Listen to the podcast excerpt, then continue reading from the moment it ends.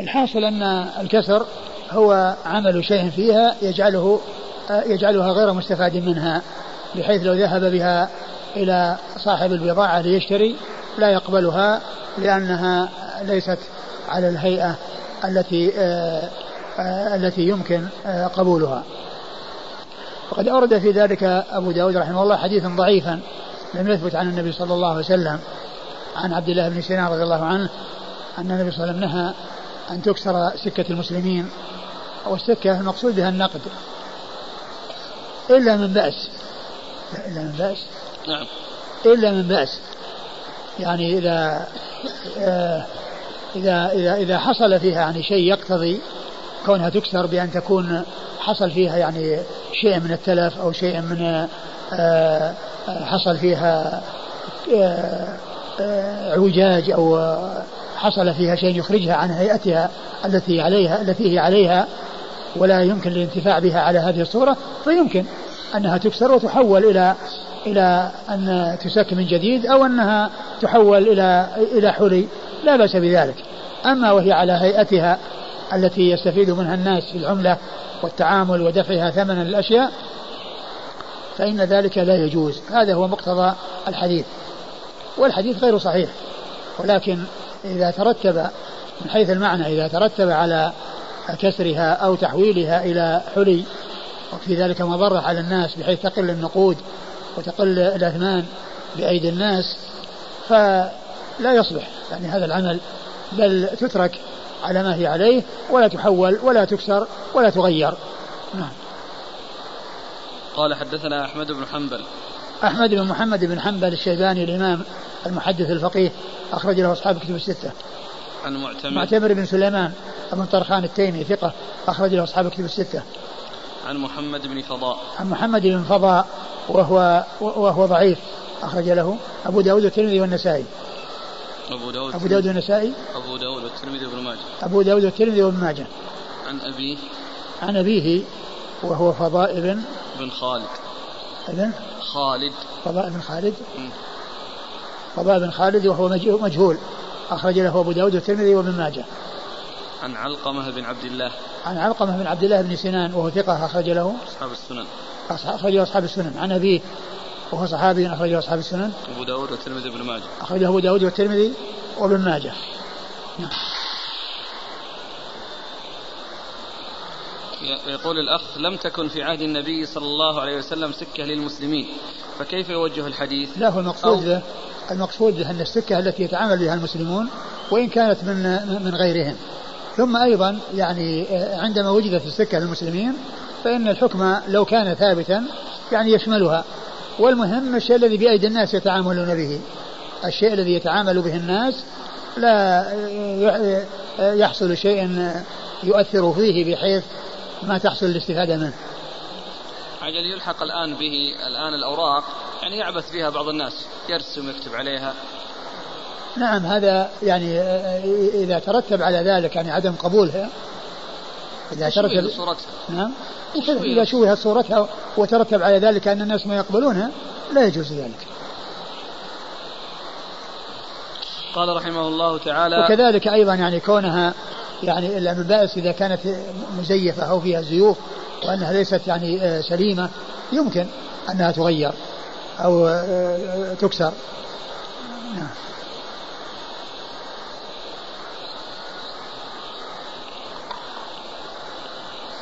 قال رحمه الله تعالى باب في التسعير.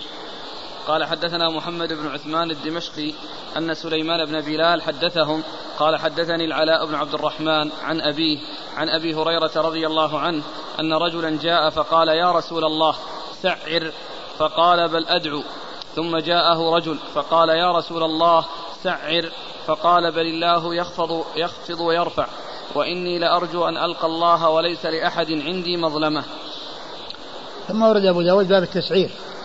والتسعير هو تحديد السعر بحيث يقال لا يباع أكثر من كذا لا يباع بأكثر من كذا. ويلزم أن يكون البيع بهذا السعر لا يزاد عليه. هذا هو التسعير. والتسعير جاء جاءت هذه الأحاديث عن النبي صلى الله عليه وسلم في أنه لا يحصل التسعير ولا يسعر والنبي صلى الله عليه وسلم لما طلب منه ذلك قال إن, إن بل أدعو يعني بأن تحصل الأرزاق وتكثر ولا يحتاج الناس إلى إلى أن إلى تسعير. فلما رجع أيضا قال إنه يحب أن يلقى الله وليس لأحد عنده مظلمة. وهذا يفيد بأن بأن التسعير أنه يترتب عليه الظلم. قد يكون صاحب البضاعة اشتراها بثمن عالي ثم ألزم هو بأن يبيعها بسعر رخيص فإنه يكون في ذلك ظلم له. يكون في ذلك ظلم له لأنه اشترى بثمن غالي ثم ألزم بأن يبيع بسعر رخيص. ولكن إذا تواطأ التجار على رفع الأسعار فإنهم لا يمكنون من ذلك. إذا تواطؤوا على أن يرفعوها ويجحفوا بالناس وحصل بينهم تواطؤ واتفقوا فيما بينهم على أن يرفعوا الأسعار فإنهم لا يمكنون من ذلك لأن هذا تعاون على الإثم والعدوان وتعاون على الظلم فلا يمكنون من ذلك. نعم. أن رجل عن أبي هريرة أن رجلا جاء فقال يا رسول الله سعر فقال بل أدعو. ثم بل جاء أدعو يعني يدعو لهم لأن الله يعني يبسط لهم الرزق ويكثر الخير. نعم. ثم جاءه رجل فقال يا رسول الله سعر فقال بل الله يخفض يخفض ويرفع. بل الله يخفض ويرفع. يعني آه، آه، يحصل منه آه، بسط الرزق ويحصل منه قدر الرزق. كونه يكون على على قدر يعني يبسط ويقدر يعني يبسط على من يشاء ويقدر على ما يشاء بمعنى يضيق. القدر هو التضييق والتقليل. يعني هذا يكون عنده كثير وهذا عنده قليل. نعم. يأتي معنى خفض السعر ورفعه. أي نعم يعني كونه يعني يكثر المال ويقل ويعني يكثر عند بعض الناس ويقل عند بعض الناس نعم يدخل فيه. وإني لأرجو أن ألقى الله وليس لأحد عندي مظلمة. نعم. تناسب بين ال... هو من جهة أنه يعني التسعير فيه ظلم. هذا هو المقصود منه. قد تراعى المصلحة العامة على المصلحة الخاصة. المصلحة العامة إذا حصل تواطؤ أما إذا واحد زاد في السعر الناس يتركونه. يروحون يشترون من الناس اللي يبيعون أرخص. وهو الشكوى من واحد أو من جماعة. نعم. لما قال غلى السعر ما يقصد يعني البضائع في المدينة ولا يقصد لا يعني؟ هو معناه أنه قل. يمكن أنه قل. أو أنه قل أو أنه يعني أو, أو أنه حصل فيه آه يعني قل وارتفع سعره. أو أنه يعني آه حصل فيه احتكار أو ما إلى ذلك.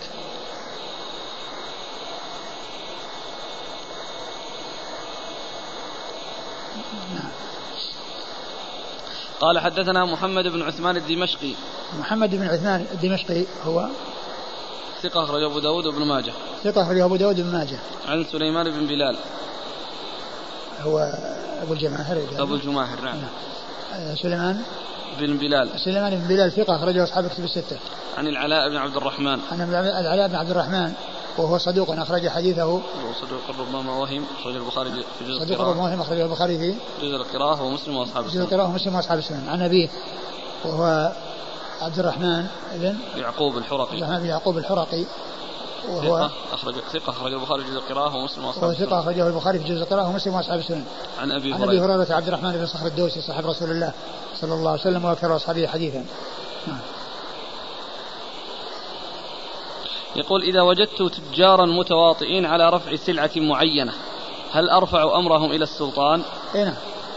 أي نعم إذا كانوا رفعوها ويعني ال فيرفع أمرهم السلطان.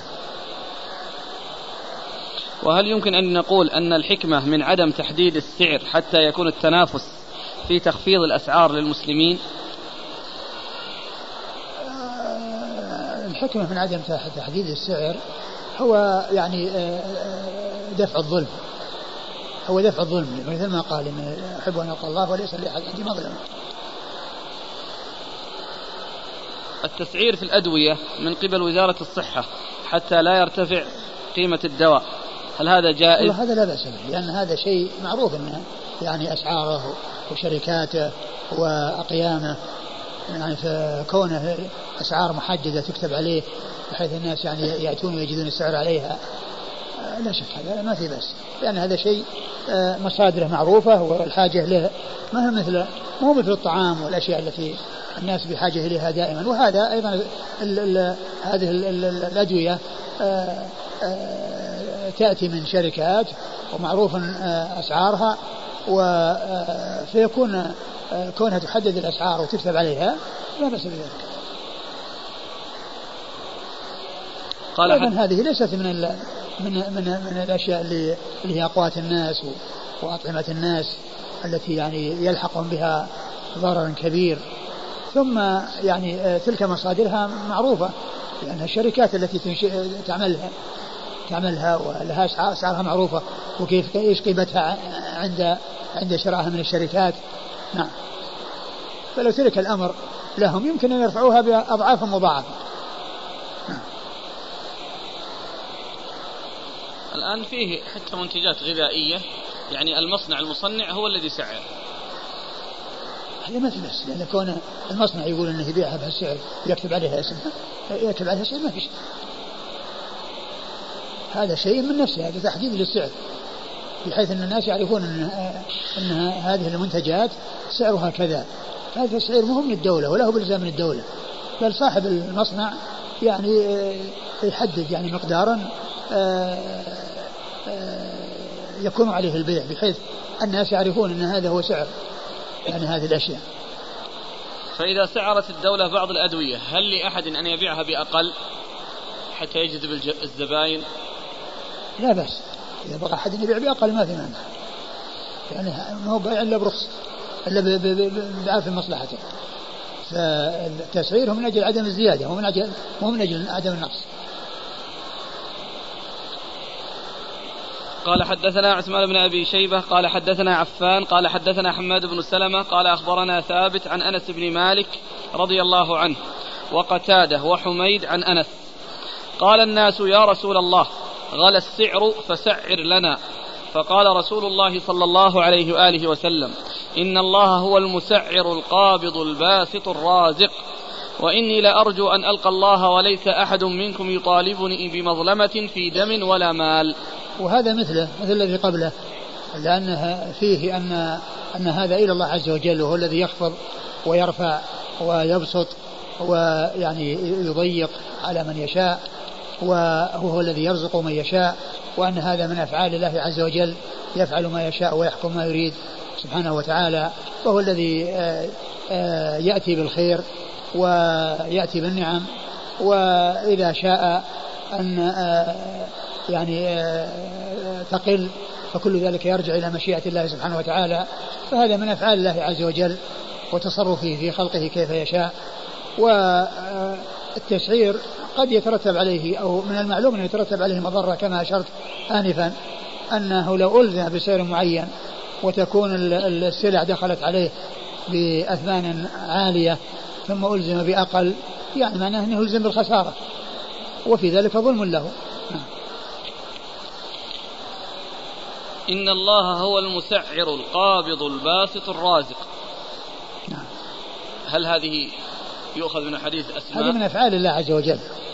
أقول هذه من أفعاله سبحانه وتعالى.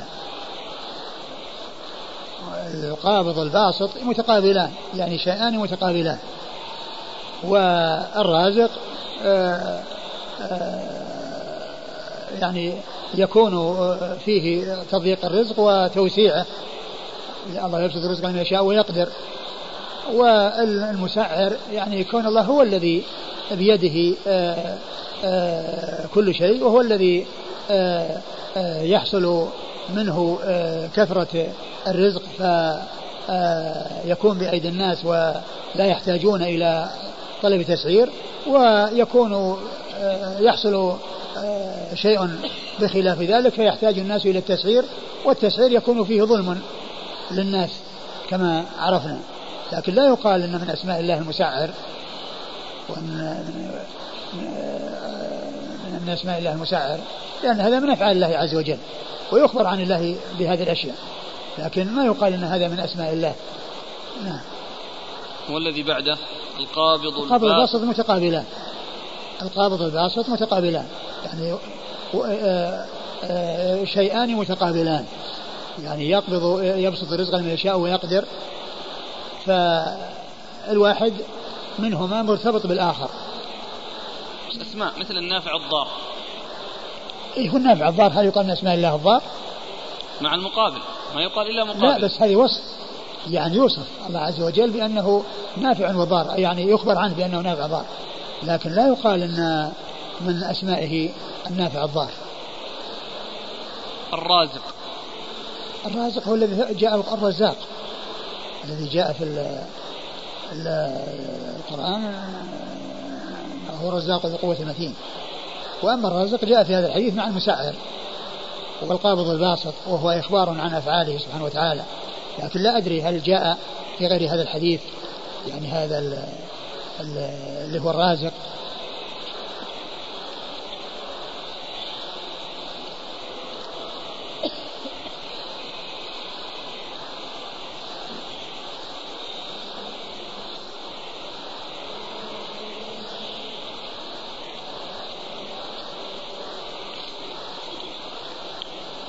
قال حدثنا عثمان بن أبي شيبة عثمان بن أبي شيبة ثقة أخرجه أصحاب الكتب الستة إلا الترمذي وان النسائي فقد أخرج له في عمل اليوم والليلة. عن عفان عن عفان بن مسلم الصفار وهو ثقة اخرج له أصحاب الكتب الستة. عن حماد بن سلمة عن حماد بن سلمة ثقة اخرج له البخاري تعليقا ومسلم وأصحاب السنن.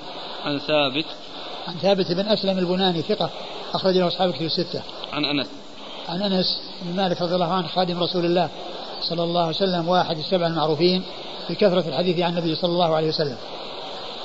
وقتادة وحميد عن أنس. قتادة من دعامة السدوسي البصري ثقة أخرج له أصحاب في الستة وحميد بن أبي حميد الطويل ثقة أخرج له أصحاب في الستة. وجه التفرقة.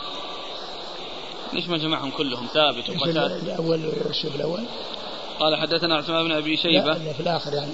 الإسناد الأول كيف كيف قال في عن ثابت عن أنس؟ أخبرنا ثابت عن أنس ابن مالك. وقتادة وحميد عن أنس. وقتادة عن حميد وحميد و... لا وقتادة وحميد. وحميد عن أنس. ما أدري يعني وش وجهه.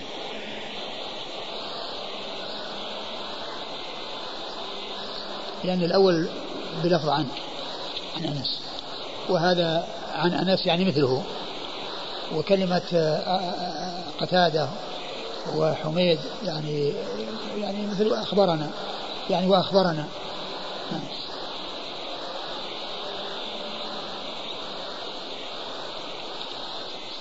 اللهم إلا أن يكون لهم لفظا يختلف عن لفظ ثابت.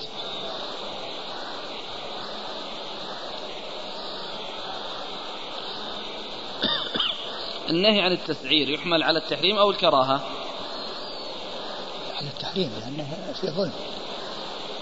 أقول لأنه في ظلم.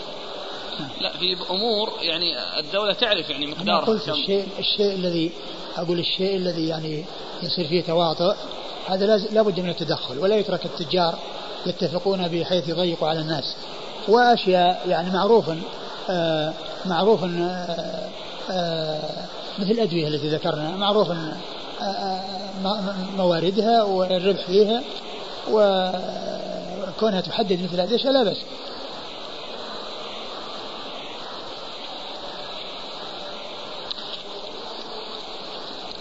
قال رحمه الله تعالى باب النهي عن الغش. قال حدثنا أحمد بن محمد بن حنبل قال حدثنا سفيان بن عيينة عن العلاء عن أبيه عن أبي هريرة رضي الله عنه أن رسول الله صلى الله عليه وآله وسلم مر برجل يبيع طعاما فسأله كيف تبيع؟ فأخبره. فأوحي إليه أن أدخل يدك فيه فأدخل يده فيه فإذا هو مبلول فقال رسول الله صلى الله عليه وعلى آله وسلم ليس منا من غش. ثم رد أبو داود باب في الغش. والغش هو آه كون شيء فيه عيب فيخفيه يخفيه الإنسان ويبيعه على أساس أن ظاهره السلامة ولكنه من الداخل يعني جعل يعني شيء آه على عكس اللي موجود يراه الناس. مثل أن يكون آه، الأطعمة التي تباع يكون ظاهرها يعني جميل ولكن إذا قلبت ونكست وجد أسفلها يختلف تماما عن أعلاها هذا من الغش. وإنما يكون أسفل الشيء وأعلاه على على على حد سواء. فهذا هو الغش. والغش حرام لا يجوز لأن فيه إضرار. بالناس وأكل لأموال الناس بالباطل. وقد أورد أبو داود حديث أبي هريرة. أبي هريرة رضي الله عنه أن النبي صلى الله عليه وسلم مر, مر على رجل يبيع طعاما فقال كيف تبيع؟ فأخبره. فأوحي إليه أن يدخل يدك في الطعام فأدخل يده وإذا هو مبلول من الداخل. الأعلى سليم والداخل مبلول. فالنبي صلى الله عليه وسلم قال من قال من ليس منا من ليس غش. منا من غش. ليس منا من غش وهذا من أحاديث الوعيد دالة على خطورة هذا الأمر وأنه أمر خطير وأنه أمر ليس بالهين والمعنى أنه ليس على منهجنا وعلى طريقتنا وعلى ما يلزم من الاتباع لما نحن عليه بل هذا مخالف لأن الذي عليه النبي صلى الله عليه وسلم هو أن لا يكون هناك غش وأن يكون الذي يباع آه، ظاهره وباطنه على حد سواء ما يكون الظاهر سليم. والباطن آه، سيء أخفي من أجل الغش ومن أجل الخديعة للناس فإن ذلك حرام لا يجوز نعم. قال حدثنا أحمد بن محمد بن الألفاظ لا جعلته لا جعلته فوق حتى يراه الناس يعني هذا الذي في بلل حتى يقدموا لأن من الناس يمكن من يشتري الشيء الذي فيه نقص ويكون بسعر أقل آه، مو معنى ذلك أنه إذا صار مبلول أنه يهدر وأنه لا يستفاد منه. يمكن يستفاد منه. ولكن آه، ليس آه، على على أساس أنه مثل ما لو كان الجيد هو الذي فوق والردي هو الذي تحت. فيكون له سعر يختلف. وليس كل يأخذ هذا الرديء فقد يكون بعض الناس ما يريد إلا جيد وإذا أخذه وذهب به وإذا أسفله رديء لكن من يعرف أنه رديء ويشتريه بثمن يماثل الرديء هذا لا بأس به. قال حدثنا أحمد بن محمد بن حنبل عن سفيان بن عيينة. سفيان بن عيينة المكي ثقة أخرج له أصحاب كتب الستة. عن العلاء عن أبيه عن أبي هريرة. وقد مر ذكرهم. قال حدثنا الحسن بن الصباح عن علي عن يحيى أنه قال كان سفيان يكره هذا التفسير ليس منا ليس مثلنا. ثم أورد أثرا عن سفيان وهو بن عيينة أنه كان يكره هذا التفسير بأن يقال ليس منا معناه ليس مثلنا.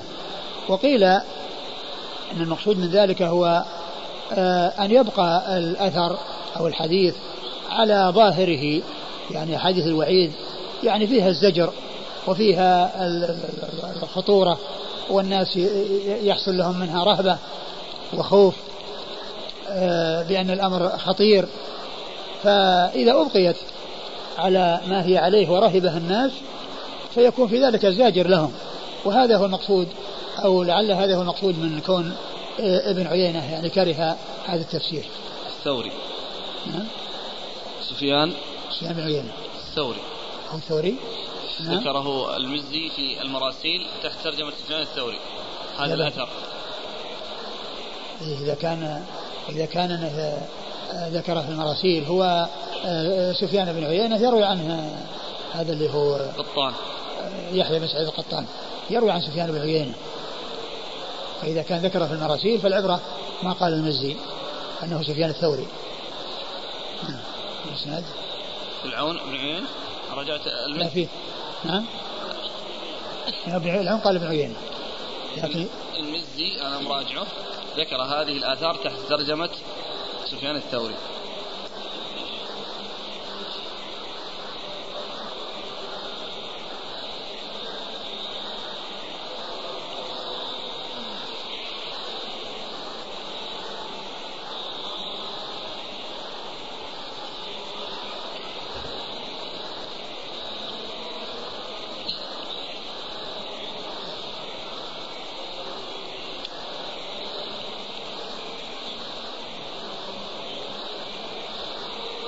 هذا منقول عن النووي. إيه؟ الناقل كله عن النووي. من سفيان بن عيينة إيه؟ لكن هذا إذا كان مزي يعني ذكر فلعله أقرب. لا سيما والواسطة طويلة بينه وبين بينه وبين سفيان بن عيينة بينه وبين سفيان بن عيينة. الثوري أقدم. أقول الثوري متقدم يعني في الوفاة على سفيان بن عيينة. لأن يعني سفيان بن عيينة فوق التسعين توفي وابن الثوري مات سنة 161 161 وابن عيينة فوق التسعين. قال حدثنا الحسن بن الصباح. الحسن بن الصباح البزاز ثقة أخرجه أصحاب كتب الستة. أصحاب الكتب. مربنا قريبا.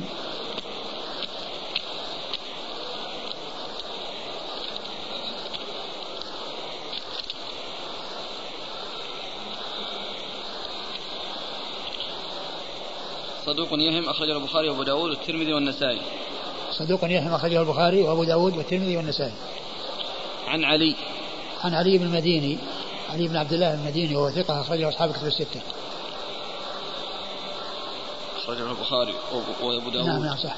البخاري وأبو داود البخاري وأبو داود والترمذي. والنسائي. والنسائي والماجه في التفسير التفسير عن يحيى. عن يحيى بن سعيد القطان. ثقة أخرجه أصحاب كتب الستة. عن سفيان. عن سفيان وهو الثوري يعني إذا كان ذكره في المزي وهو أقرب وهو سفيان بن سعيد مسروق الثوري ثقة أخرجه أصحاب الكتب الستة وإن كان سفيان بن عيينة فهو أيضا ثقة أخرجه أصحاب الكتب الستة.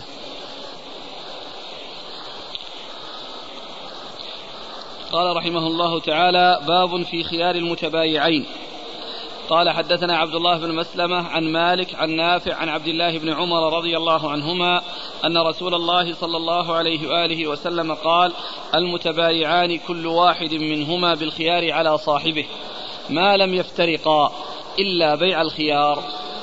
ثم ورد أبو داود باب في خيار المتبايعين. نعم باب في خيار المتبايعين نعم. في خيار المتبايعين.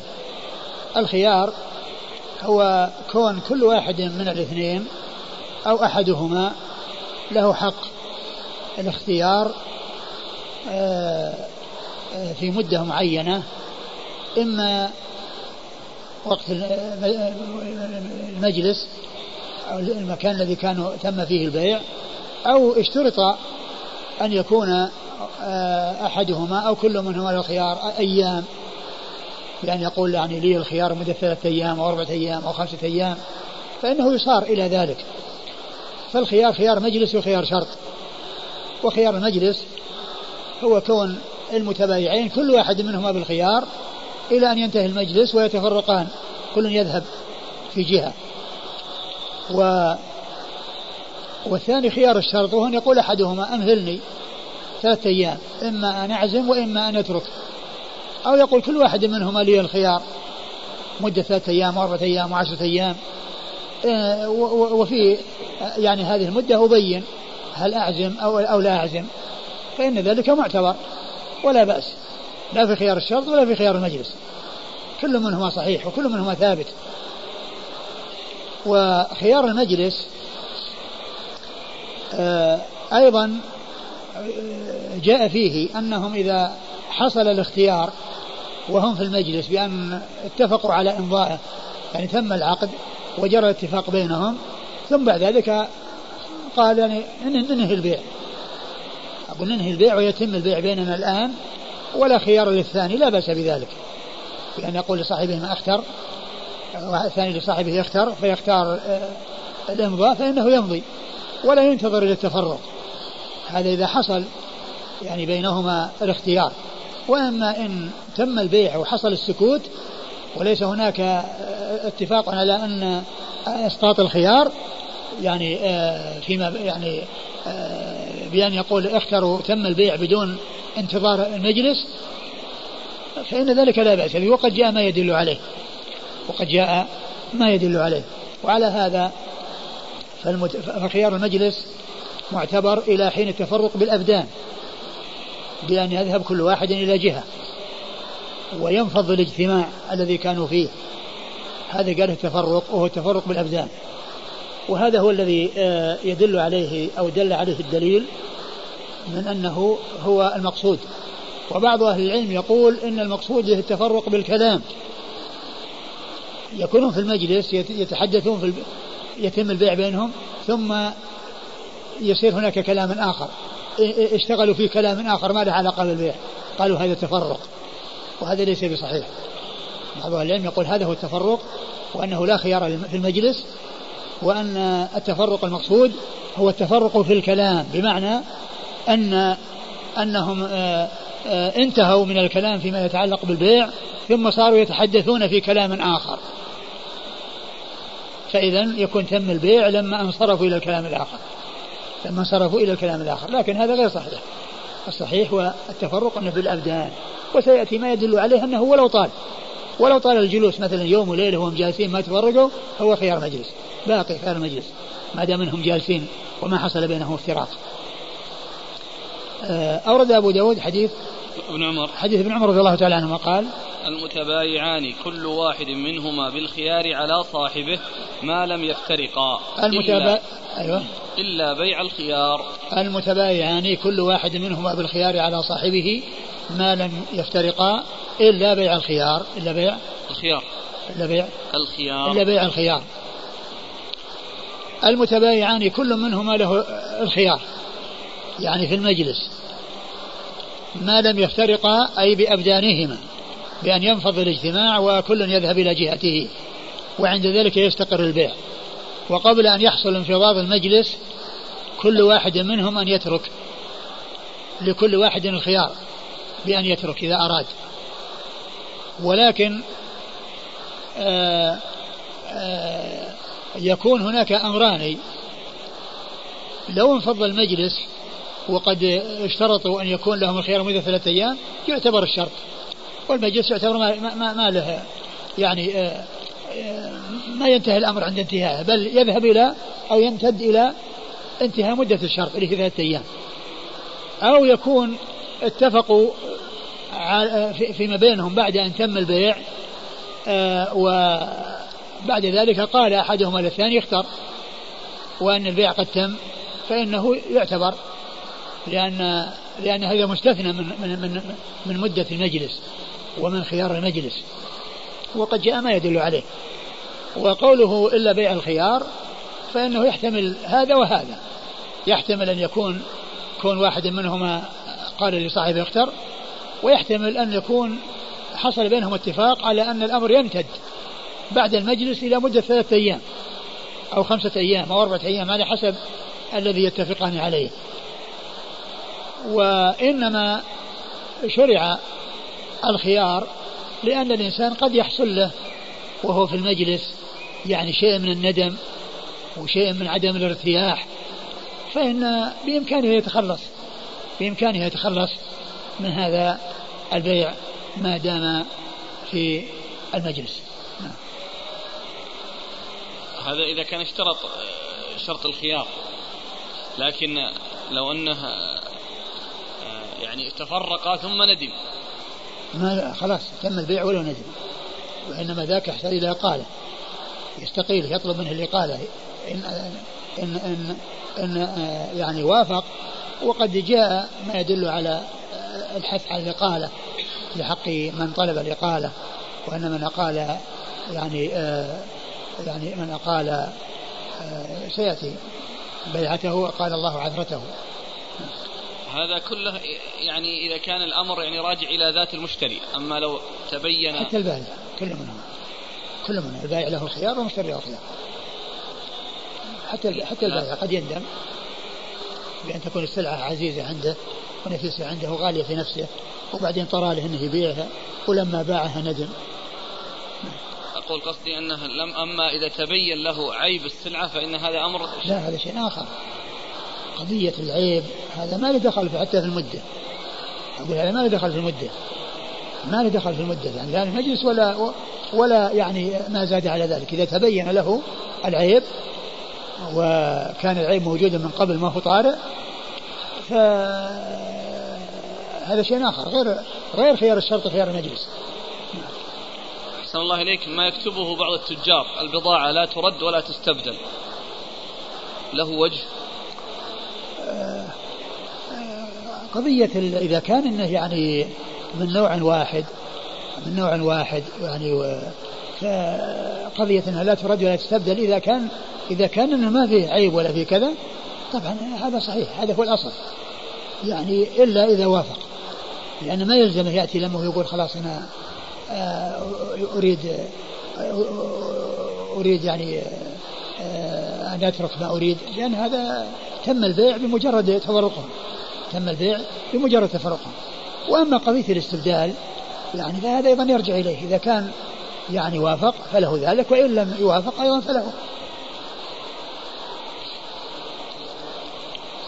قال حدثنا عبد الله بن مسلمة. عبد الله بن مسلمة القعنبي ثقة أخرجه أصحاب كتب الستة لما ماجه عن مالك. عن مالك بن أنس إمام دار الهجرة المحدث الفقيه أحد أصحاب المذاهب الأربعة المشهورة من مذاهب أهل السنة وحديث أخرجه أصحاب كتب الستة. عن نافع عن نافع مولى بن عمر ثقة أخرجه أصحاب كتب الستة. عن عبد الله بن عمر رضي الله عنهما الصحابي الجليل أحد العباد الأربعة من الصحابة واحد السبعة المعروفين بكثرة الحديث عن النبي صلى الله عليه وسلم. الأخ يسأل عن البيع والشراء من خلال الهاتف انتهاء المكالمة يعد تفرق؟ نعم تفرق. البيع بالهاتف. لا, لا بأس به وانتهى المكالمة تفرق لأنها كما هو هم متفرقون بالأبدان. ولكن الشيء الذي ربط بينهم الهاتف. فإذا انتهت المكالمة خلاص انتهى. هذا مثل ما لو أنهم آه، تبايعوا وهم واقفين وبعدين كل واحد اتجه إلى وجهه. أقول من جنس هذا؟ تبايعوا وهم واقفين وهم جالسين. وهم ماشيين. وبعد ما تم البيع كل واحد راح في اتجاه. هذا مثل مثل مثل قضية الهاتف من ناحية الوقت. هذا الأخ يذكر يعني صورة أخرى. يقول لو تم البيع في سفينة وهم في سفر متى ينتهي الخيار؟ أبد ينتهي ينتهي إذا تفرقوا من السفينة. إلا أن يكون آه، اختيار. يعني يعني ينهون خيار المجلس. وإلا إذا كانوا في سفينة أو كانوا في مجلس واحد وبقوا فيه أيام النتيجة واحدة وسيأتي ما يدل حديث قصة أبي برزة الأسلمي رضي الله عنه أنه يوم وليلة. يعني كانوا مع بعض وقال إن خيار المجلس لا يزال. الحيلة في هذه الأشياء تصلح؟ والله يعني آه لا ينبغي لكن لا يقال أنه حرام. يعني سيأتي ولا يحل لأحد أن يفارق خشيه أن يستقيله. قال حدثنا موسى بن إسماعيل قال حدثنا حماد عن أيوب عن نافع عن ابن عمر رضي الله عنهما عن النبي صلى الله عليه وعلى آله وسلم بمعناه قال أو يقول أحدهما لصاحبه اختر. ثم ورد أبو داود الحديث من طريق أخرى قال بمعناه أو يقول لصاحبه اختر. يعني معناه نريد أن ننهي الاتفاق. نريد أن ننهي الاتفاق وألا نبقى. وهذا مثل ما لو كانوا في سفينة أو كانوا يعني في آه، مكان يطول جلوسهم أو يطول اجتماعهم أو كانوا يعني مثلا آه، مسافرين والسفر يعني متصل فيما بينهم. فإذا خير أحدهما صاحبه أو آه، اتفقوا على إمضاء البيع ولو كانوا في المجلس يمضي. وينتهي وينتهي خيار المجلس. عفى الله عنك العكس إذا اتفق على الإسقاط. قال تشتري لكن مالك خيار. ها انتبه. لا هذا ما يصلح. ما يصلح شيء الخيار الخيار موجود ما يلغى. ولكن هذا في إذا مضى وقت ثم اتفقوا على على إسقاط الاستمرار.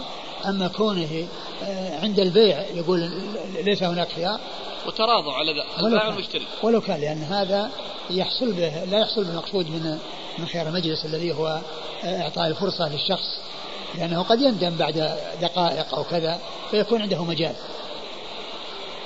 قال حدثنا موسى بن إسماعيل موسى بن إسماعيل التبوذكي البصري ثقة أخرجه أصحاب كتب الستة. عن حماد عن أيوب. حماد بن سلمة ثقة أخرجه البخاري تعليقا ومسلم وأصحاب السنة. أيوب السختياني ثقة أخرج له أصحاب كتب الستة. عن نافع عن ابن عمر. وقد مر ذكرهما.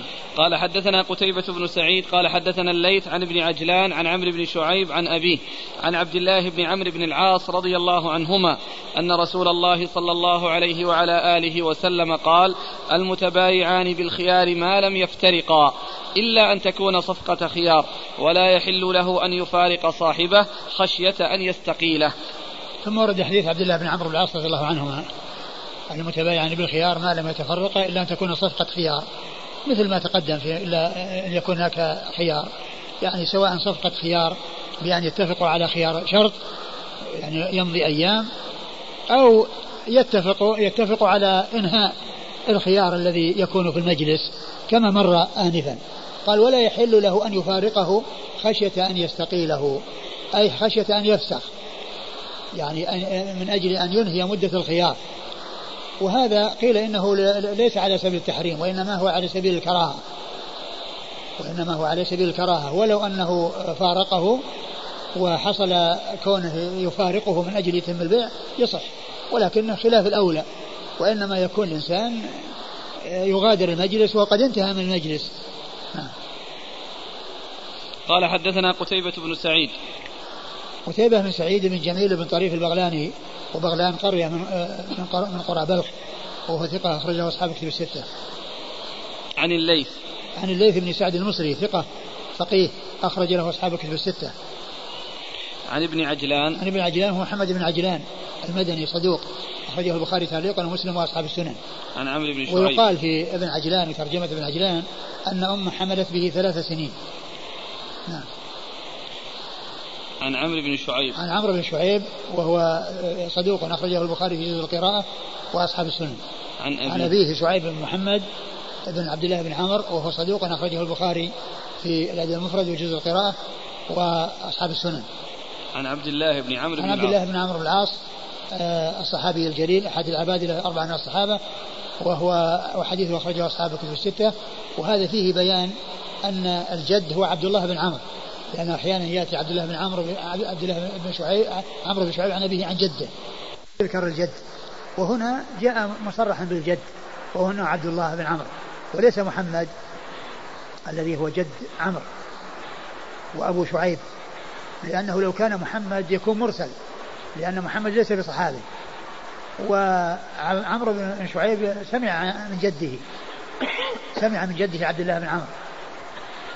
عمرو بن شعيب عمرو بن شعيب آه، شعيب سمع من جده مش عمرو. شعيب سمع من جده عبد الله بن عمرو. فهنا قال عن أبيه عن عبد الله بن عمرو. يعني ما قال عن جده بين الجد وأنه هو جد الأب الذي هو عبد الله بن عمرو. قال حدثنا مسدد قال حدثنا حماد عن جميل بن مرة عن أبي الوضيء. قال غزونا غزوة لنا فنزلنا منزلا فباع صاحب لنا فرسا بغلام ثم أقاما بقية يومهما وليلتهما فلما أصبحا من الغد حضر الرحيل فقام إلى فرسه يسرجه فندم فأتى الرجل وأخذه بالبيع فأبى الرجل أن يدفعه إليه فقال بيني وبينك أبو برزة صاحب رسول الله صلى الله عليه وآله وسلم ورضي الله عنه فأتيا أبا برزة في ناحية العسكر. فقال له هذه القصة. فقال أترضيان أن أقضي بينكما بقضاء رسول الله صلى الله عليه وعلى آله وسلم؟ قال رسول الله صلى الله عليه وآله وسلم البيعان بالخيار ما لم, يفترق ما لم يتفرقا. قال هشام بن حسان حدث جميل أنه قال ما أراكما ما أراكما افترقتما. نعم ثم ورد أبو داود حديث حديث أبي برزة الأسلمي. رضي الله تعالى عنه. آه، آه، قال في الأول كان عن أبي الوضيء قال غزونا غزوة لنا. عن أبي الوضيء قال غزونا غزوة لنا فباع آه، رجل فرسا بغلام ولما جاء عند الرحيل صاحب الفرس الذي هو ال ال ال الذي باعه على بالغلام أراد أن يبقي على الفرس. فجعل يسرجه يعني يجعل عليه السرج ليستخدمه ويركب عليه. فجاء المشتري الذي دفع العبد في مقابل الفرس وأراد أن يأخذه فأبى أن يسلمه إياه. أبى أن يسلمه إياه. فاتفق على أن يرجع أو يتحاكم إلى أبي برزة الأسلمي رضي الله عنه. فجاءوا إليه وهو في ناحية المعسكر أو العسكر فقال أترضيان أن أقضي بينكما بقضاء رسول الله صلى الله عليه وسلم؟ فقال نعم. فقال بيعني بخيار ما لم يفترقا. وما أراكما آه، قد افترقتما يعني معناه أن أن أن مدة الخيار باقية لصاحب الفرس. فله أن يبقي أن يأخذ فرسه لأنه لا يزال في مدة الخيار. وفي هذا يعني آه، يبين أن مدة أن مدة المجلس ولو طال ما لم يحصل الافتراق فإن خيار المجلس يكون باقيا. خيار المجلس يكون باقيا. وفيه أيضا دليل على أن آه، إذا حصل التحاكم واختيار يعني شخص يعني صاحب علم يقضي بينهما بين متخاصمين ويرضيان بحكمه فإن ذلك يصح. ولا يلزم أن يكون آه، ذلك القاضي منصوب من جهة الإمام. فإنهما إذا تراضيا على أن يحكم شخصا وهو صاحب علم وعنده معرفة ورضي بحكمه فإن ذلك صحيح وقصة آه، أبي برزة رضي الله تعالى عنه هي آه، شاهد لذلك أو دليل على ذلك نعم. قال حدثنا مسدد مسدد بن مسرهد البصري ثقة أخرجه البخاري وأبو داود والترمذي والنسائي. عن حماد عن حماد بن سل... بن زيد ثقة أخرجه أصحاب كتب الستة. عن جميل بن مرة عن جميل بن مرة وهو ثقة أخرجه أبو داود والنسائي في مسند علي وابن ماجه. ثقة أخرجه أبو داود والنسائي في مسند علي وابن ماجه. عن أبي الوضيء عن أبي الوضيء وهو عباد بن نسيب عباد بن نسيب وهو ثقة أخرجه أبو داود والنسائي في مسند علي أبو داود والنسائي في مسند علي مثل الذي قبله. وابن ماجه. وابن ماجه. عن أبي برزة عن أبي برزة الأسلمي رضي الله عنه وهو نضلة بن عبيد وهو صحابي اخرج حديثه وأصحاب كتب الستة.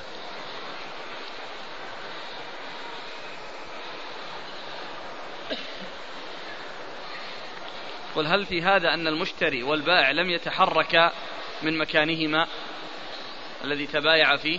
لا بد من التحرك ما هم جالسين في مكان يوم وليلة ما يتحركون يقومون يصلون الصلوات. أقل شيء يبقون صلاة يبي ينقض الوضوء يبي يتوضأ لكنهم لا يزالون في في في المجلس. يعني ما حصل التفرق بأن كان واحد اتجه ذهب له وجهه. يقول وهل قضاء من لم يعين للقضاء؟ ملزم ما دام الخصمان ما دام الخصم قد رضي به. نعم ملزم. إذا كانوا هم هم اختاروا أن يحكم بينهم وهو أهل للحكم والتزم بذلك نعم ملزم. قال حدثنا محمد بن حاتم الجرجرائي. قال مروان قال مروان الفزاري أخبرنا عن يحيى بن أيوب قال كان أبو زرعة إذا بايع رجلا خيره. قال ثم يقول خيرني. ويقول سمعت أبا هريرة رضي الله عنه يقول قال رسول الله صلى الله عليه وعلى آله وسلم لا يفترقن اثنان إلا عن تراض. ثم أورد أبو داود حديث أبي هريرة. حديث أبي هريرة رضي الله عنه. أن قال لا يفترق اثنان إلا عن تراض. يعني بمعنى أن أنهما آه، آه، بقي في المجلس وبعد ذلك انتهى المجلس وهم آه، مبقون على البيع وراغبون فيه. فيكون بانتهاء خيار المجلس معناه أن كل واحد في هذه الفترة رضي بما حصل له من الشراء أو البيع. عيد يقول كان أبو زرعة إذا بايع رجلا خيره. قال ثم يقول خيرني. يعني هذا اللي هو خيار في أثناء الشرط أثناء المجلس. يعني خيره بمعنى أن الواحد اختار كل واحد منهم اختار. اختار مضي البيع وانتهاء البيع وتمام البيع. نعم. ويقول سمعت أبا هريرة يقول قال صلى الله عليه وسلم لا يفترقن اثنان إلا عن تراض. نعم قال حدثنا محمد بن حاتم الجرجرائي. محمد بن حاتم الجرجرائي هو؟ ثقة أخرجه أبو داود النسائي. ثقة أخرجه أبو داود النسائي. عن مروان الفزاري. عن مروان الفزاري هو ثقة أخرجه أصحاب كتب الستة. عن يحيى بن أيوب. قوله مروان قال مروان أخبرنا هذا من تقديم الاسم على الصيغة. تقديم الاسم على الصيغة يعني بدل ما يقول أخبرنا مروان قال أخبرنا مروان قال مروان أخبرنا. هذه آه، عند بعض المحدثين يستعملونها يقدمون الاسم على الصيغة. يعني بدل ما يقول أخبرنا مروان يقول مروان أخبرنا. يعني بدل ما يكون آه، فعل فاعل يكون مبتدأ وخبر جملة فعلية بعده. قال فلان أخبرنا. وإذا قال أخبرنا فلان فعل فاعل. فلان أخبرنا مبتدأ وخبر الخبر جملة. نعم. عن يحيى بن أيوب. يحيى ابن أيوب ابن ابن أبي زرعة. ابن أبي زرعة ابن عمرو بن جرير و... وهو. لا بأس به. لا بأس به وهو بمعنى صدوق أخرج له البخاري تعليقا وأبو داود والترمذي. البخاري تعليقا وأبو داود والترمذي. عن أبي زرعة. عن أبي زرعة وهو جده وهو ثقة أخرج له أصحاب كتب الستة. عن أبي هريرة. عن أبي هريرة رضي الله تعالى عنه وقد مر ذكره. قال حدثنا أبو الوليد الطيالسي قال حدثنا شعبة عن قتادة عن أبي الخليل عن عبد الله بن الحارث عن حكيم بن حزام رضي الله عنه أن رسول الله صلى الله عليه وآله وسلم قال البيعان بالخيار ما لم يفترقا فإن صدقا وبينا بورك لهما في بيعهما وإن كتما وكذبا محقت البركة من بيعهما. ثم ورد أبو داود حديث حكيم بن حزام رضي الله عنه البيعان بالخيار ما لم يتفرقا وهذا هو الذي يتعلق بخيار المجلس. وبعد ذلك ذكر يعني شيئا يتعلق بحسن المعاملة والصدق وعدم الكذب وعدم إخفاء العيوب فقال فإن صدقا وبينا بورك لهما في بيعهما وإن كتما وكذبا محقت بركة بيعهما. صدقا يعني في بيعهما ولم يخفوا العيوب وإن كتما يعني حصل كتمان العيوب وكذب محقت بركة بيعهما. فهذا يفيد بأن الصدق والمعاملة الطيبة و آه، آه، أنها, أنها سبب لحصول البركة وأن عكس ذلك من كتمان العيب ومن الكذب أنه سبب في محق البركة. قال حدثنا أبو الوليد الطيالسي. هو هشام بن عبد الملك ثقة أخرج له أصحاب كتب الستة. عن شعبة. عن شعبة بن الحجاج الواسطي ثقة أخرج له أصحاب كتب الستة. عن قتادة. عن قتادة من دعامة السدوسي البصري ثقة أخرج له أصحاب كتب الستة. عن أبي الخليل. عن ابن الخليل هو صالح بن أبي مريم وهو وثقه ابن معين والنسائي. وثقة ابن معين والنسائي وأخرجه أصحاب الكتب. نعم. أصحاب الكتب الستة. عن عبد الله بن الحارث. عن عبد الله بن الحارث بن نوفل وهو قيل له رؤية وهو ثقة من وقيل أنه ثقة من ثقات التابعين. أو اتفقوا على توثيقه أخرجه أصحاب الكتب الستة. نعم. عن حكيم بن حزام. عن حكيم بن حزام رضي الله عنه صاحب رسول الله صلى الله عليه وسلم وحديثه أخرجه أصحاب الكتب الستة. قال أبو داود وكذلك رواه سعيد بن أبي عروبة وحماد. وأما همام فقال حتى يتفرقا أو يختارا. ثلاث مرار. آه قال قال إيش؟ كذلك رواه سعيد بن أبي عروبة وحماد. كذلك رواه سعيد بن أبي عروبة سعيد بن أبي عروبة ثقة أخرج أصحاب في الستة. وحماد حماد بن سلمة. بن سلمة ثقة أخرج البخاري تعليقا ومسلم وأصحاب السنة. وأما همام وأما همام بن يحيى العوذي وهو ثقة أخرجه أصحاب في الستة. فقال حتى يتفرقا أو يختارا حتى يتفرقا أو يختارا قبل التفرق. كما سبق أن مر يعني أن أن أن أنه يمكن أن ينتهي البيع أو يتم البيع قبل التفرق وذلك بأن يحصل الاختيار وإمضاء البيع أو يختار. أيوه. حتى يتفرقا أو يختارا أو يختار. ثلاث مرار. ثلاث مرار. كررها يعني؟ نعم يمكن. المقصود إذا كان كررها ثلاث مرات حتى يتفرق أو يختار. قبل أن ننتقل للباب الجديد لا يخفى لديكم أن بعض الأئمة لم يأخذ بالخيار. نعم. فمثلا هنا الأخ يقول أنه ذكر الشيخ محمود الحسن الديوبندي في تقريره للترمذي تحت هذا الباب البيعان بالخيار ما نصه. الحق والإنصاف مع الإمام الشافعي في هذا الحديث. ولكن نحن مقلدون. يجب علينا تقليد إمامنا أبي حنيفة. آه هذا خطأ. أبو حنيفة ما يرضى بهذا. أبو حنيفة هو الذي قال وقال غيره من الأئمة يعني إذا يعني وجد لي قول ووجد عن رسول حديث بخلافه فخذوا بقول الرسول واتركوا قولي. كما قلت الأئمة الأربعة رحمة الله عليهم جميعا كل واحد منهم جاء عنه ما يدل على أن أنه إذا وجد عن النبي صلى الله عليه وسلم حديث صحيح فإنه يؤخذ به ولا يؤخذ بقوله. وهذا من إنصافهم. ويعني جميل فعلهم رحمة الله عليهم جميعا. وقد جاء الإمام الشافعي رحمه الله أنه قال أجمع المسلمون على أن من استبانت له سنة رسول الله صلى الله عليه وسلم لم يكن له أن يدعها لقول أحد. لم يكن له أن يدعها لقول أحد. والناس بالنسبة للعلماء الأئمة الأربعة وغيرهم آه، آه، على ثلاثة أصناف طرفان وسط فيهم من يتعصب ويغلو وفيهم من يجفو وفيهم من يتوسط ويعتدل. فالذين يغلون آه، يجعلون قول الإمام لا يعدل عنه. وإذا وجد حديث عن النبي صلى الله عليه وسلم بخلافه قالوا لو لو كان صحيحا لعلمه الإمام وأنه لا يخفى على الإمام. وهذا غلو وتعصب والإمام كما هو معلوم ليس هناك أحد يقال أنه لا يخفى عليه أي شيء من سنة الرسول صلى الله عليه وسلم بحيث يكون كل أقواله وأفعاله وتقريراته محصورة عند شخص من الناس لا يفوته منها شيء. هذا لا يقال في حق أحد. ومن الناس من يجهو بأن يقول ما نرجع إلى كلام العلماء نحن رجال وهم رجال. هذا جفا. والتوسط بين بينهما أن الإنسان يرجع إلى كلامهم ويرجع إلى علم إلى ما كتبوه وإلى دونوه ويترحم عليهم ويدعو لهم ويستفيد من علمهم وإذا ويستعين بهم في الوصول إلى الحق. يستعين بهم في الوصول إلى الحق مثل ما قال ابن القيم رحمه الله في كتاب الروح.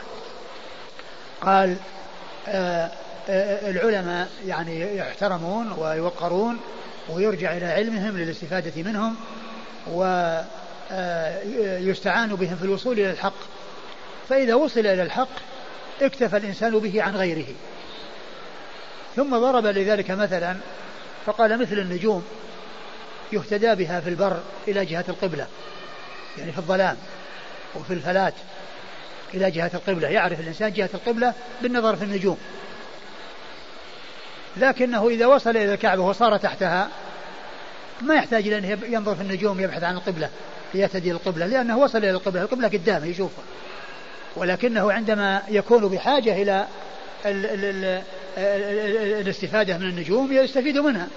فكذلك يستفيد من العلماء ما دام من الحق ما تبين وما دام أنه ما وقف على الحق والدليل الواضح في المسألة يرجع إلى كلام العلماء ويستفيد من علمهم.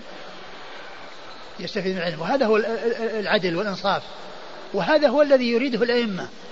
وهو الذي يوصي به الأئمة. وهو أن أنه إذا وجد الحديث عن النبي صلى الله عليه وسلم يصار إليه ولا يصار إلى أقوالهم. ولا يصار إلى أقوالهم.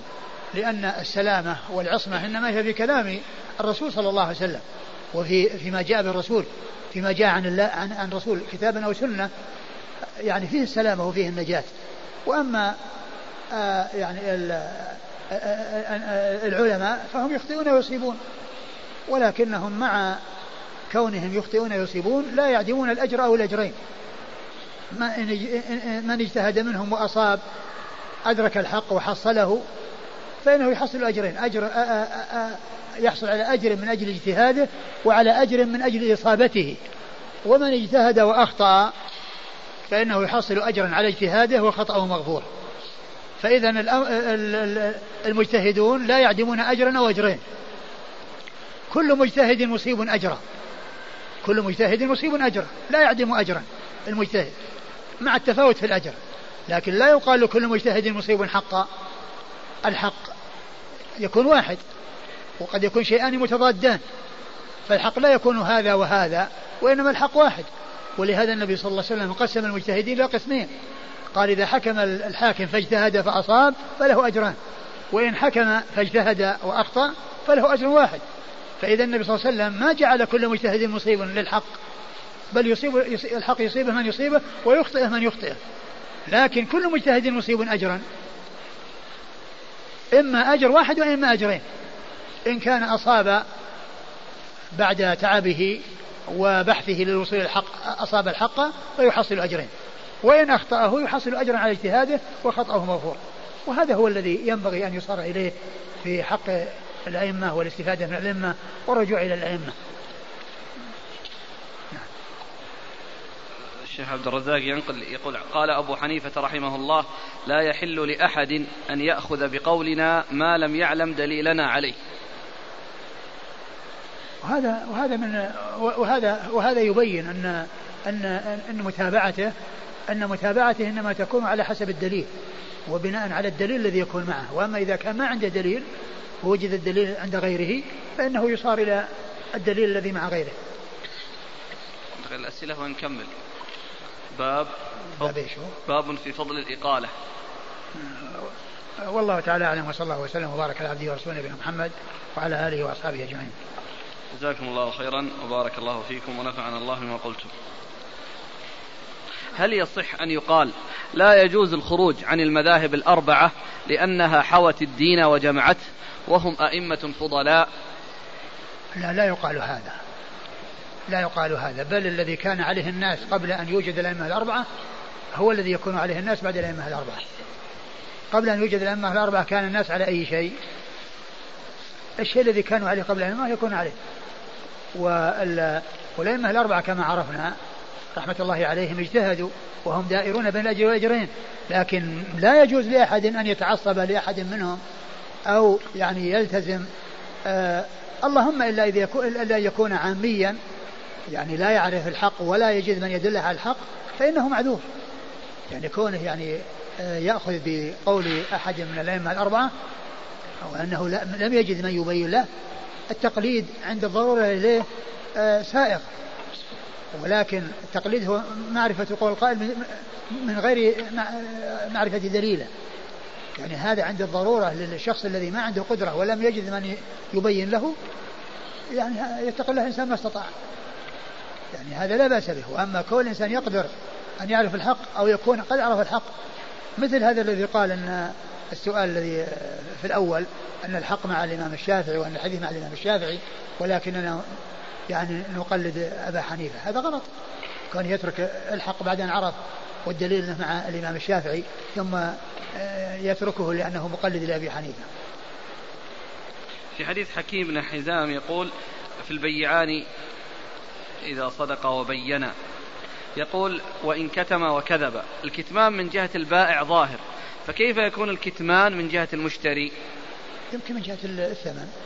يمكن الثمن يعني فيه قد يكون فيه تزييف أو يكون فيه أقول حتى من جهة الثمن. قد يكون الثمن يعني قد يكون الثمن وهو بنقود أيضا لأنه بائع ومشتري وكل واحد منه سلعة. فكل واحد منهم يعني معناه أنه قد يكون عنده غش ويكتب لأن البيع ما هو لازم يكون بالنقود فقط. قد يكون يعني مثل مثل ذاك الذي مر بنا يعني باع فرس بعبد. أقول قصة أبي برزة اللي مرت قريبا نعم. باع فرس بعبد. ما المقصود بالبركة؟ بورك لهما في بيعهما. يعني كون كون آه، يدخل تحتها النماء وحصول وأيضا كذلك يعني حصول الفائدة يعني منها وأن يحصل تمام نفعها وأن الله يبارك له في أكلها. وإذا كان بخلاف ذلك يمكن يأكلها ولكن ما يحصل بركة في أكلها.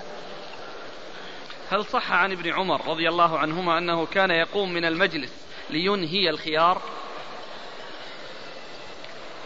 ما أدري. هو جاء بس ما أدري عن صحته هل صح ولا ما صح.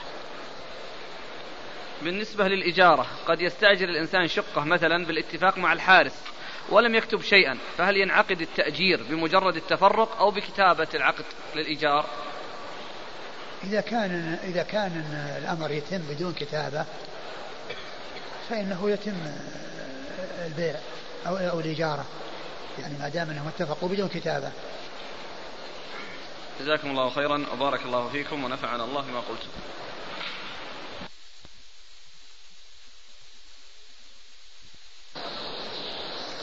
بسم الله الرحمن الرحيم. الحمد لله رب العالمين والصلاة والسلام على عبد الله ورسوله نبينا محمد وعلى آله وصحبه أجمعين. أما بعد قال الإمام أبو داود السجستاني رحمه الله تعالى باب في فضل الإقالة. قال حدثنا يحيى بن معين قال حدثنا حفص عن الأعمش عن أبي صالح عن أبي هريرة رضي الله عنه أنه قال قال رسول الله صلى الله عليه وعلى آله وسلم من أقال مسلما أقال الله عثرته. بسم الله الرحمن الرحيم الحمد لله رب العالمين وصلى الله وسلم وبارك على عبده ورسوله نبينا محمد وعلى آله وأصحابه أجمعين أما بعد.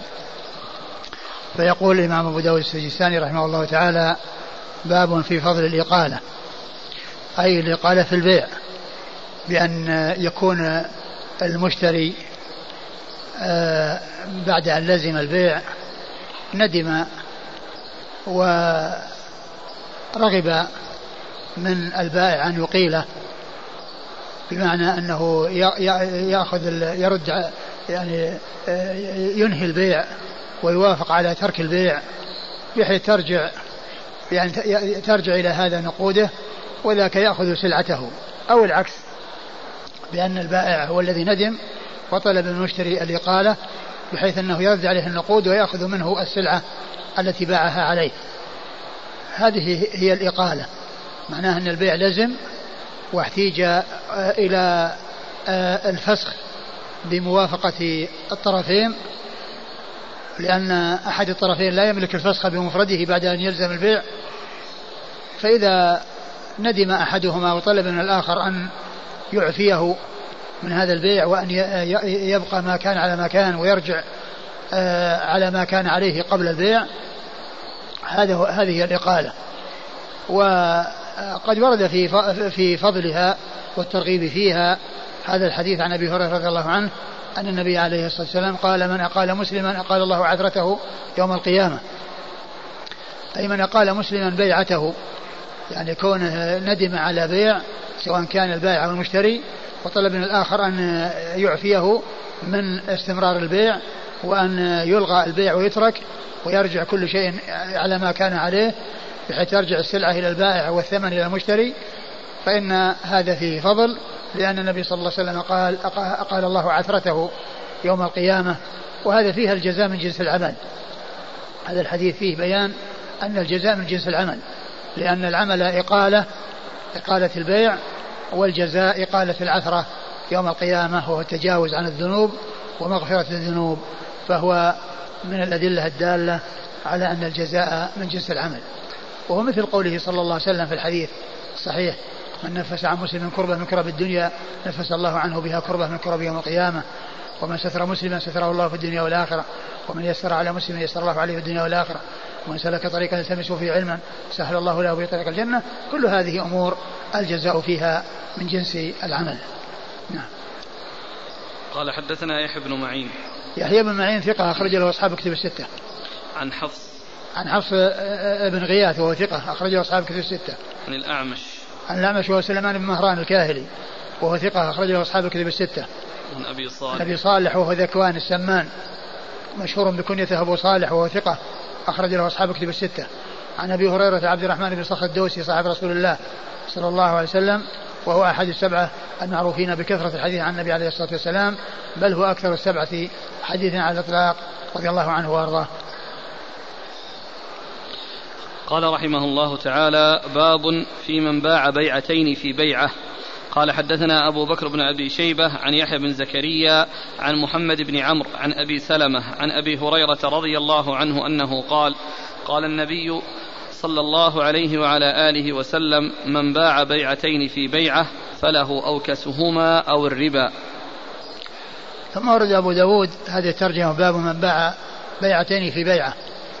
والمقصود بيعتين في بيعة أن قيل في تفسيرها أن أنه تكون عنده السلعة يبيعها بالنقد آه، بثمن ويبيعها بالآجل بثمن زائد على ثمن على ثمن الحال على ثمن الحال.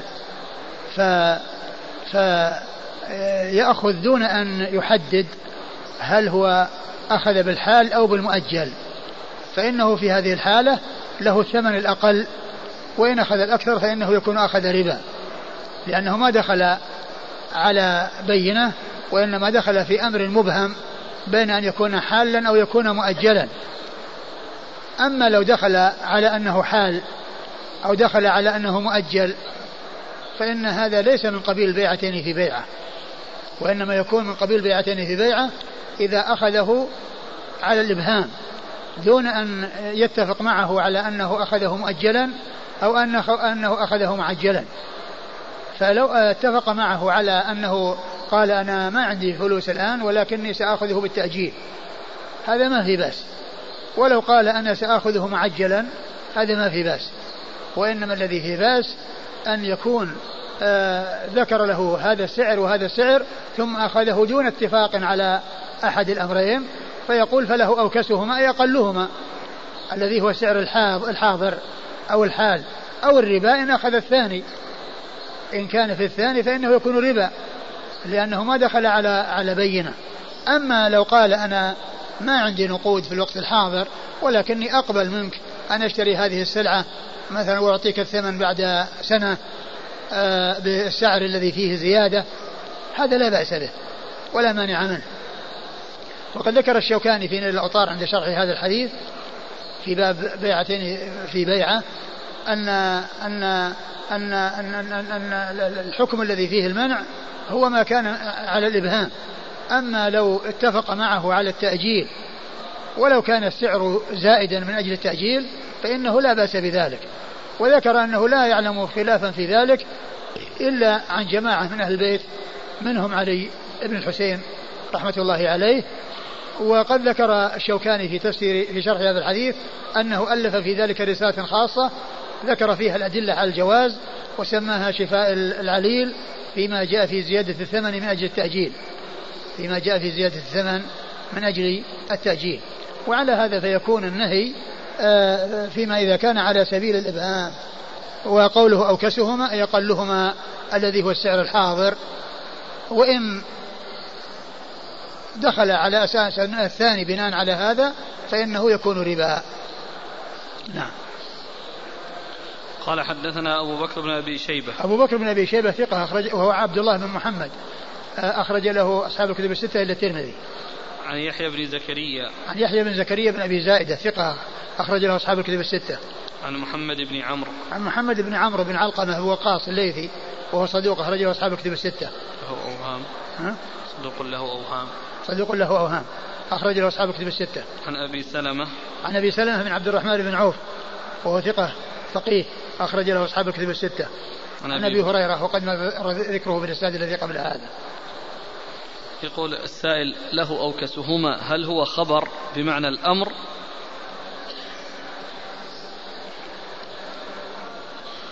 هو خبر من الأمر نعم. له أوكسهما أو ربا يعني إما إما إن أخذ بال, بال, بال لم هو بالأمر يعني وإنما هو بيان ليس أمرا وإنما هو خبر بمعنى أنه إن إن أخذ بالأقل فقد سلم وإن أخذ بالأكثر فقد أخذ بالربا. تفصيل. تفصيل بين كونه يأخذ بالأقل أو الأكثر. إن أخذ بالأقل الذي هو حال فلا شيء فيه. وإن أخذ بالأكثر الذي هو الغائب وبالثمن الزائد فإن ذلك يكون ربا. بيع السيارات بالتقسيط المنتهي بالتمليك هل هو من قبيل بيعتين في بيعة؟ والله هذا فيه خلاف بين أهل العلم في هذا الزمان بل أكثر المشايخ يقولون بأن ذلك غير سائر ولا شك أن أن تركه والدخول يعني في غيره مما مما لا شبهة فيه لا شك أنه أولى للإنسان. قال رحمه الله تعالى باب في النهي عن العينة. قال حدثنا سليمان بن داود المهري قال أخبرنا ابن وهب قال أخبرني حيوة بن شريح قال حاء. وحدثنا جعفر بن مسافر التنيسي قال حدثنا عبد الله بن يحيى البر البرلسي قال حدثنا حيوة بن شريح عن إسحاق أبي عبد الرحمن قال سليمان عن أبي عبد الرحمن الخراساني أن عطاء الخراساني حدثه أن نافعا حدثه عن ابن عمر رضي الله عنهما أنه قال سمعت رسول الله صلى الله عليه وآله وسلم يقول إذا تبايعتم بالعينة وأخذتم أذناب البقر ورضيتم بالزرع وتركتم الجهاد سلط الله عليكم ذلا لا ينزعه حتى ترجعوا إلى دينكم. قال أبو داود الإخبار لجعفر وهذا لفظه. ثم ورد أبو داود باب في العينة. والعينة قيل هي أن يبيع الإنسان سلعة بثمن مؤجل ثم يشتريها بائعها بسعر أقل معجل. فتكون النتيجة أن العين رجعت إلى صاحبها وبقية ذمة المشتري مشغولة بالزيادة. فقيل لها عينة لأن عين العين المشتراة رجعت إلى صاحبها وبقيت الذمة مشغولة بما بين الذي اشتراها به البائع وبين الذي باعها على المشتري بالثمن المؤجل بمعنى أنه باعها مثلا بألف ريال لمدة سنة ثم إنه اشتراها قبل ذلك بثمانمائة ريال. فالسلعة رجعت وبقيت الذمة مشغولة بمئتين. بقيت ذمة المشتري مشغولة بمئتين. قالوا فالحديث يدل على على تحريمها وعلى أنها غير جائزة. وأن المشتري وأن البائع رجعت إليه سلعته وبقيه الذمة مشغولة. وبقيت ذمة المشتري مشغوله بالقدر الزائد. هذه هي هي العينة المحرمة. وقد أورد أبو داود حديث ابن عمر رضي الله عنهما قال إذا تبايعتم بالعينة واتبعتم أذناب البقر وإيش؟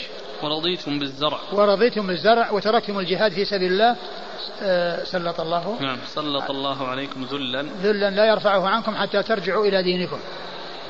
والمقصود من ذلك أنهم آه، آه، ركنوا إلى الدنيا واشتغلوا بالأمور المحرمة أو البيع المحرم وركنوا إلى الدنيا وتركوا الجهاد في سبيل الله وأعرضوا عن الآخرة والاشتغال لها وذلك بكونهم آه، يحرصون على الدنيا وتحصيلها بأي طريق. فهذا هو المذموم. وليس معنى ذلك أن آه، آه، الاشتغال بالزراعة أنه محرم وكذلك الاشتغال يعني في أذناب البقر يعني كونهم يعني تكون سواني يستنبطون عليها الماء ويستفيدون منها أن ذلك محرم ولكنه يعني يكون بحيث يكون همهم الدنيا وأنهم يأخذون الدنيا بأي طريق وصلت إليه ولو بطريق حرام ويعرضون عن الجهاد في سبيل الله فإن هذا من أسباب الذل والهوان للمسلمين. نعم.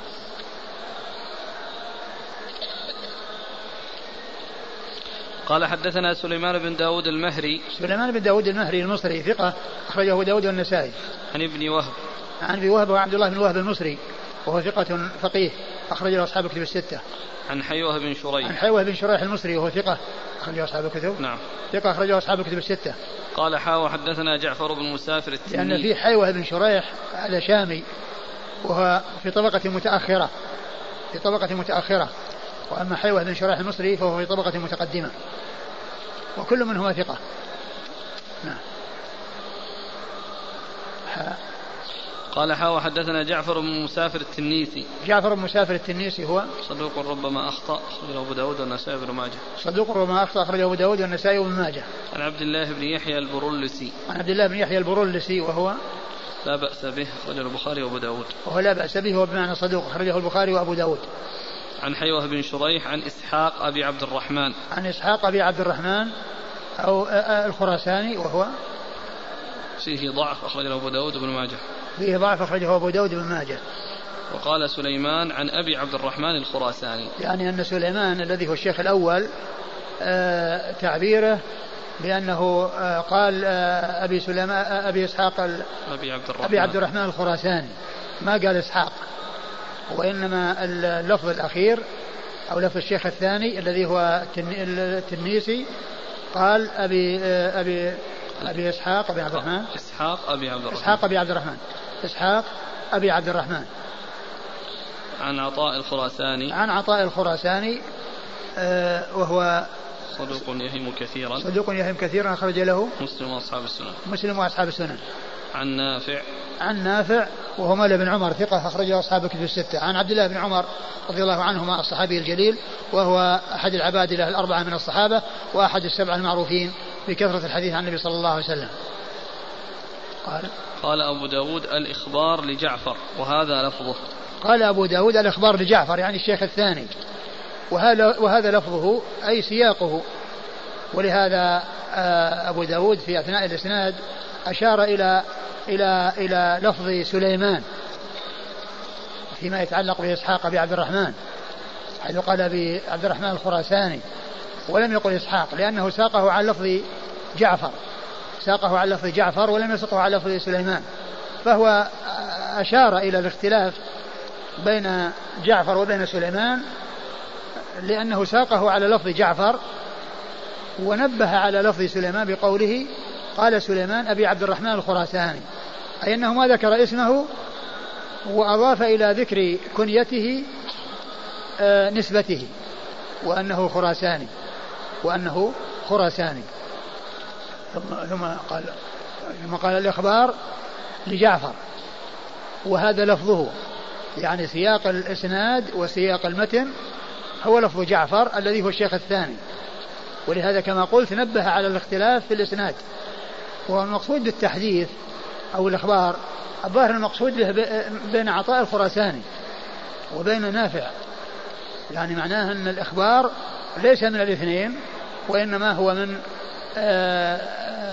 جعفر التنيسي. ومعناه أن رواية سليمان ليس فيها إخبارا. وجاء وأعطاه الخراساني مدلس. ومعنى هذا أن أحد الشيخين لأبي داود جاء من طريقه التصريح بالإخبار الذي هو التحديث في الإسناد. نعم.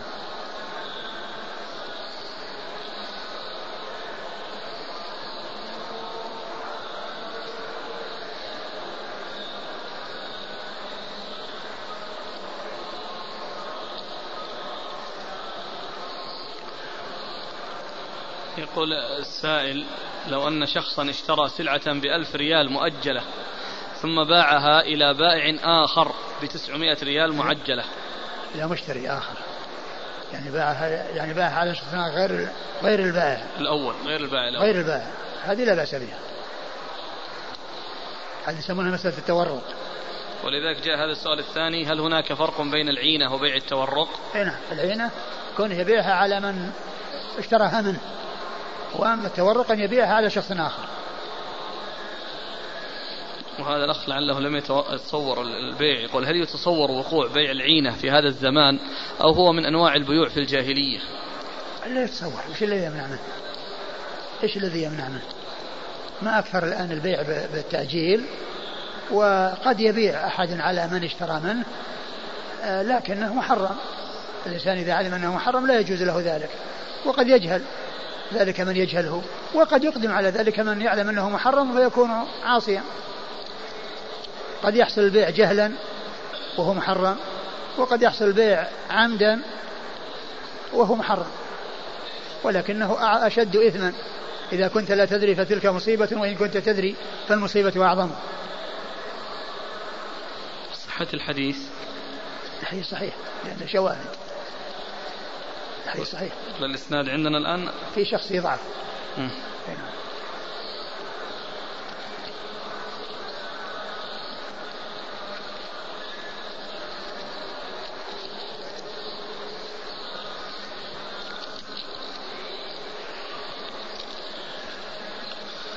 قال رحمه الله تعالى باب في السلف. قال حدثنا عبد الله بن محمد النفيلي قال حدثنا سفيان عن ابن أبي نجيح عن عبيد الله. عبد الله. عن عبد الله بن كثير عن أبي المنهال عن ابن عباس رضي الله عنهما أنه قال قدم رسول الله صلى الله عليه وآله وسلم المدينة وهم يسلفون في التمر السنة والسنتين والثلاثة.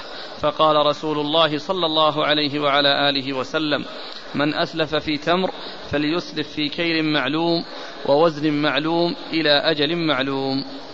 ثم ورد أبو داود باب في السلف. والسلف هو عكس بيع التأجيل لأنه تقديم الثمن تعجيل الثمن وتأجيل المثمن. تعجيل الثمن وتأجيل المثمن. وبيع التأجيل تعجيل المثمن وتأجيل الثمن. فهو عكس بيع التأجيل.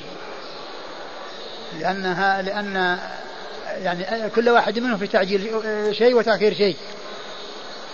فالسلم تعجيل الثمن وتأجيل المثمن بمعنى أنه كما يعني آه، هنا آه، يقدم نقود على أساس أنه يحصل مقابلها تمر.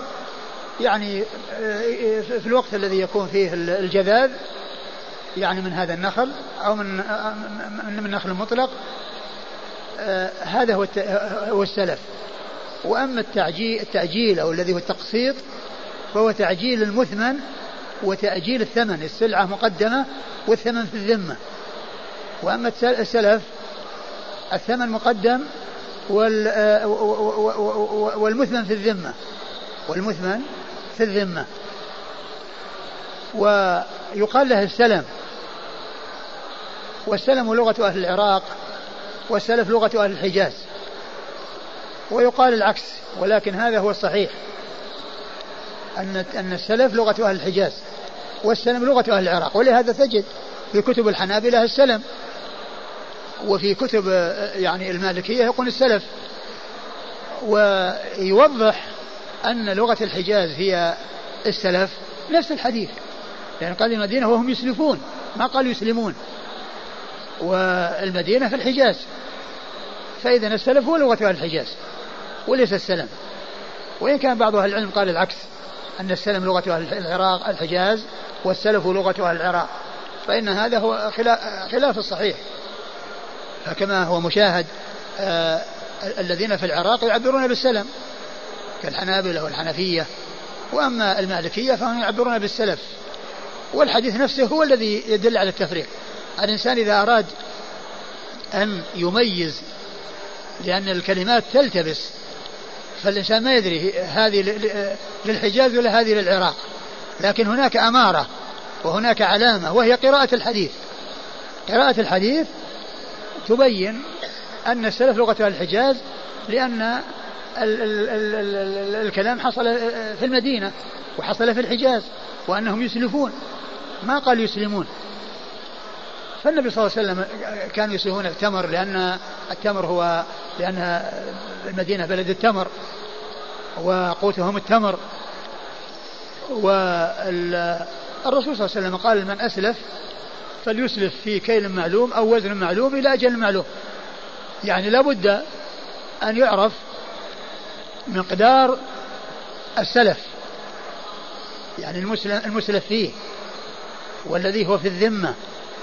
وهو أن يكون إن كان مكيلا فيكون كيله معلوما وإن كان موزونا يكون كيله موزونا ومثله لو كان يعني معدودا أو مذروعا أو ما إلى ذلك يكون بأذرع معلومة أو بعدد معلوم إذا كان معدودا.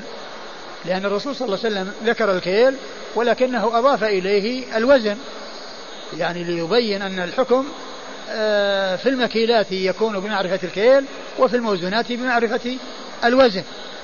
وفي الموزونات بمعرفة الوزن. ومثله المعدودات بمعرفة العد والمذروعات بمعرفة الذرع وهكذا. السنة أو السنتين والثلاث. يعني معناه أن أن الواحد يدفع القيمة أو يدفع الثمن ريالات أو نقود على أساس أنه يحصل تمر موصوف في الذمة مقداره كذا وكيله كذا كيله كذا إما بعد سنة أو بعد سنتين أو بعد ثلاث. ذلك جاءت في السنة عن رسول الله صلوات الله وسلامه وبركاته عليه لكنه كما هو معلوم يعني يكون آه، بوصف ينضبط وبتحديد الكيل وتحديد الأجل. ما يكون الأجل مطلق بل لابد يكون محدد إما سنة أو سنتين أو ثلاث وهكذا. نعم. قال حدثنا عبد الله بن محمد النفيلي. عبد الله بن محمد النفيلي ثقة أخرج له البخاري وأصحاب السنن عن سفيان عن سفيان وهو بن عيينة ثقة أخرجه أصحاب كتب الستة. عن ابن أبي نجيح. عن ابن أبي نجيح هو عبد الله بن أبي نجيح وهو ثقة أخرجه أصحاب الكتب. ثقة أخرجه أصحاب كتب الستة. عن عبد الله بن كثير. عن عبد الله بن كثير وهو صدوق أخرجه أصحاب الكتب. صدوق أخرجه أصحاب الكتب الستة. عن أبي المنهال. عن أبي المنهال وهو عبد الرحمن بن مطعم ثقة عبد الرحمن بن مطعم نعم وهو ثقة أخرج له أصحاب الكتب أصحاب الكتب الستة. عن ابن عباس. عن ابن عباس عبد الله بن عباس بن عبد المطلب ابن عم النبي صلى الله عليه وسلم وأحد العباد الأربعة من الصحابة وأحد السبعة المعروفين بكثرة الحديث عن النبي صلى الله عليه وسلم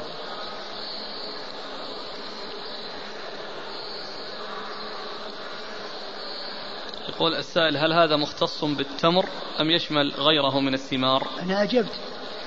أنا أجبت يعني من أنه يعني في المكيلات يعني سواء بالتمر أو بغير التمر. بل بالموزونات بل والمذروعات والمعدودات كل ذلك.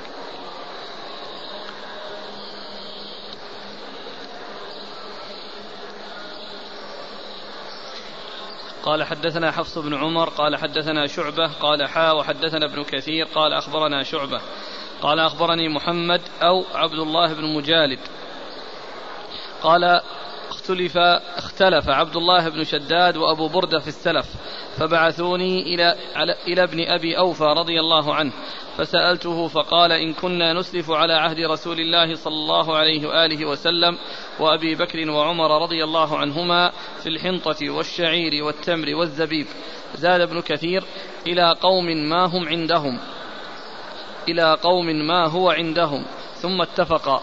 وسألت ابن أبزة رضي الله عنه فقال مثل ذلك ثم ورد أبو داود آه، حديث آه، حديث ابن أبي أوفى رضي الله تعالى عنه وأنهم كانوا يسلفون بالتمر والبر التمر والبر في الحنطة والشعير نعم. في الحنطة في الحنطة والشعير والتمر والزبيب آه.